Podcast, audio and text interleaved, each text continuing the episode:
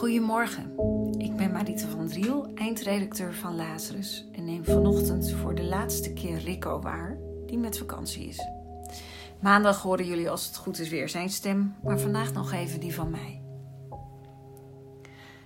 Ik vind het woord liefhebben niet bepaald makkelijk. Het begrip is prachtig, maar zo hoog, wijd, diep, dat ik het lastig vind om er woorden aan te geven. Het is vooral iets wat je moet doen en niet te veel over moet praten. Wat blijkt uit je leven? Maar met de dagteksten van vandaag kan ik eigenlijk niks anders dan er even bij stilstaan. Dit staat er. Jezus zegt: Ik heb jullie lief gehad zoals de Vader mij heeft lief gehad. Blijf in mijn liefde. Je blijft in mijn liefde als je je aan mijn geboden houdt zoals ik me ook aan de geboden van mijn vader gehouden heb en in zijn liefde blijf. En iets verder. Mijn gebod is dat jullie elkaar lief hebben, zoals ik jullie heb lief gehad. Er is geen grotere liefde dan je leven te geven voor je vrienden. Terwijl ik hierover nadacht en eigenlijk niet zo goed wist wat ik hier nog over zou moeten zeggen, zag ik in de boekenkast opeens het boek Wie ben jij, o liefde? staan. Het boek uh, bevat verzameld werk van Pater Frans van der Lucht en werd een tijdje geleden uitgegeven. Pater Frans leefde in het Syrische Homs. En tijdens de belegering van de, van de stad in 2014 door de regeringstroepen van Assad maakte hij video's die de wereld overgingen en diepe indruk maakten. Daarin kaartte hij de mensonwaardige omstandigheden aan waarin de bevolking van de stad moest zien te overleven. Frans van der Lucht had de kans gekregen om de stad te ontvluchten. Maar in plaats daarvan bleef hij.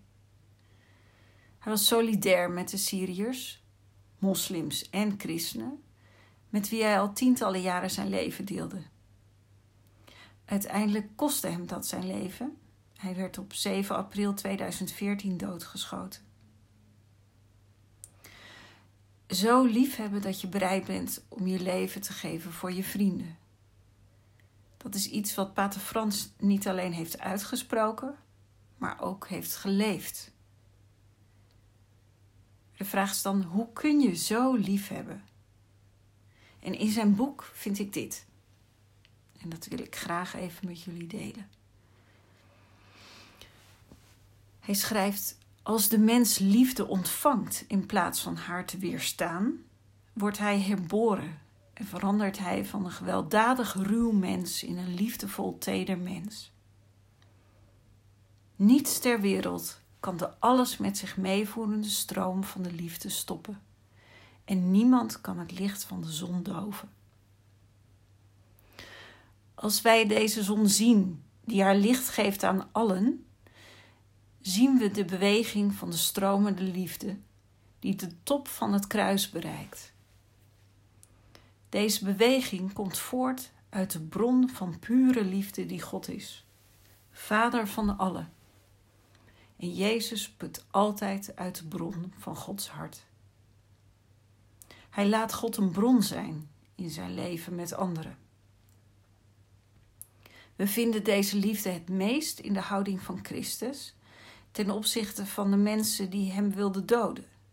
Hij veroordeelt niet, koestert geen wrok, neemt geen wraak, maar met innerlijke vrijheid deelt hij met hen in de pijn die aanwezig is in de diepte van hun kwaad en dompelt hij hen onder in het licht van zijn genegenheid. Want alleen dit licht kan de duisternis van het kwaad verjagen in hun zielen. Ik wens je vandaag licht en vrede en alle goeds.